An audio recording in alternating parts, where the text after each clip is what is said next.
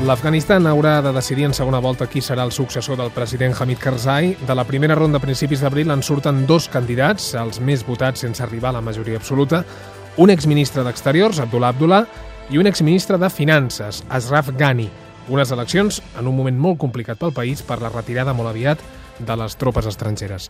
Josep Alai, molt bona tarda. Bona tarda. D'entrada, aquest procés electoral, mm, en un ambient, no sé si es pot dir així, no, no tan dolent com es preveia, no? Sí, sí, almenys sorprenentment bo, no? És a dir, en un país eh, sotmès a la violència a la que estem habituats, i estan ells, sobretot habituats a, a patir, nosaltres a contemplar, doncs eh, realment la, la jornada electoral es pot dir que, que fora dels tòpics va anar amb una gran normalitat, que hi ha hagut una gran participació, tant en ciutats com en les zones rurals on costa més doncs, que la gent vagi a votar i que, a més a més, més d'una tercera part dels vots també van ser vots femenins, és a dir, que les dones van anar a votar també d'una forma sorprenentment alta pel que és, diguéssim, la mitjana a l'Afganistan, i es pot dir que van celebrar-se doncs, d'una doncs, forma lliure i eh, doncs, amb els vuit candidats que, que es presentaven a, a, a la presidència de la República. Mm, jo he citat els dos candidats que han arribat a la segona volta, però potser convindria repassar resultats i potser també altres aspirants a la presidència de l'Afganistan que s'han quedat pel camí, no? Sí, eh, de fet, eh, dels vuit, dos són exactament els que passen a segona volta, i hi ha un tercer que pel percentatge que té de vots doncs, pot influir sobre el resultat final al juny, Uh, la resta, doncs, pràcticament els resultats són uh, menys, menys preables, no? són, són, són baixíssims. Uh, en primer lloc, el primer candidat ha estat Abdullah Abdullah.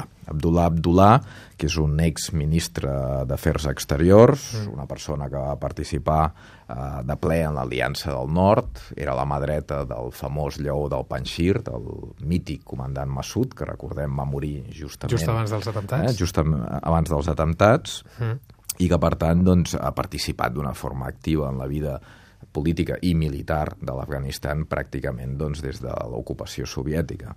És un metge, un oftalmòleg, que es va formar a, a Kabul, eh, descendència 50-50%, després ja en donem més detalls, de diferents grups ètnics de, de l'Afganistan, i que és el que s'ha imposat sobretot al nord i a l'oest del país, i que ha tret uns resultats una mica més pobres al sud i a l'est. En total un 44,9, és a dir, un 45%, gairebé, gairebé, gairebé la meitat dels, dels vots.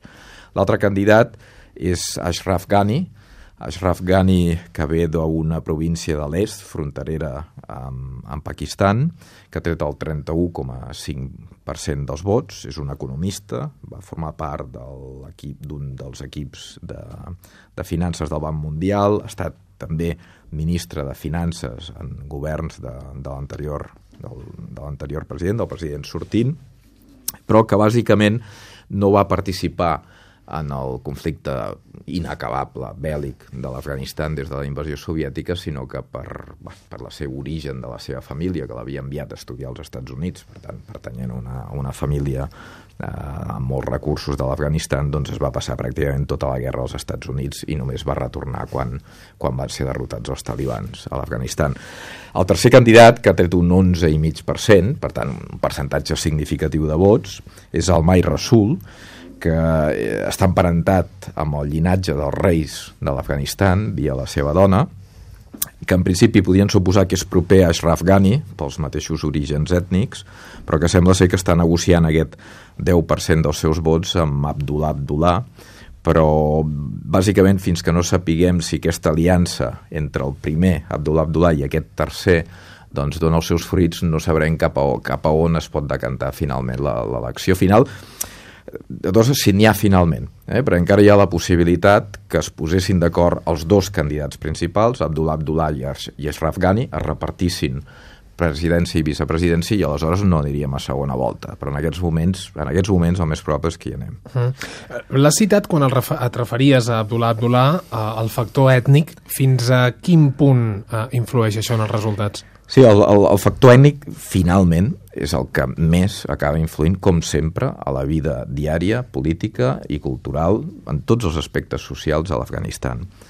Abans he explicat que Abdullah Abdullah, el guanyador, en principi formava part de l'Aliança del Nord. L'Aliança del Nord, recordem que era una aliança que també tenia una línia de separació ètnica. No només era el nord, sinó era el nord perquè la majoria eren tatjics, tatjics com el mateix eh, Masud o com Abdullah Abdullah. Abdullah Abdullah, de totes formes, és un cas una mica especial. Ell diu que és eh, meitat-meitat, és a dir, pare tatjic, mare pashto que és, la gran, és el gran grup ètnic de l'Afganistan. I per tant, d'aquesta manera vol ell mostrar-se conciliador amb els dos grans grups ètnics. Ara, Uh, l'oposició seva li retreu que això no és ben bé cert, que ell tota la vida l'ha passada en el nord, que es, el consideren de totes totes tatjic, va néixer a Kabul, a la capital, per tant eh, procedeix de, de, la, de la ciutat, que és una ciutat que no és ni d'uns ni d'altres, és a dir, és la metròpolis afganesa on hi ha tots els grups ètnics representats. Ell sí que ha intentat, a través del, diguéssim, del, del, del seu equip, els dos candidats a vicepresidents que ell presenta, un és Pashto i l'altre és Hazara, que també és una important minoria a, l'Afganistan, d'una mica, d'aquesta manera, cobrir una miqueta el, tot l'espai ètnic afganès. Això ha fet que els resultats eh, l'han fet guanyador, de fet, i que no tragués resultats tan dolents en zones del sud de majoria pashto.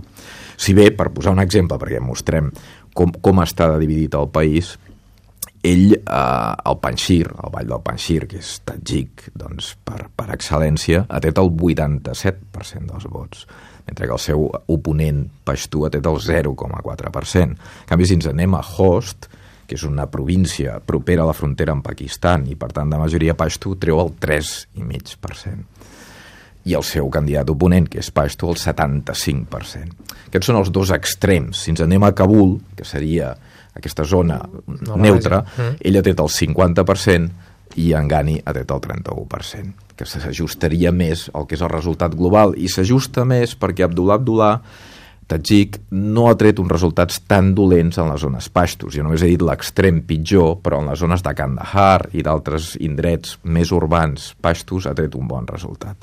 Clar, Gani és el pasto per excel·lència. Pertany als cochis, que són una tribu nòmada eh, pasto, de l'Afganistan.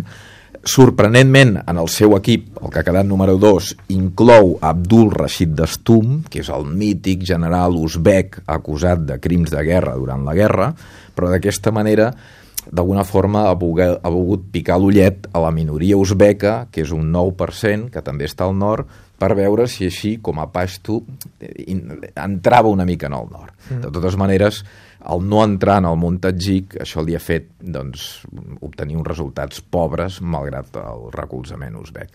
Tot pot canviar, de totes formes, eh, si aquesta aliança amb el tercer se l'endú un o l'altre.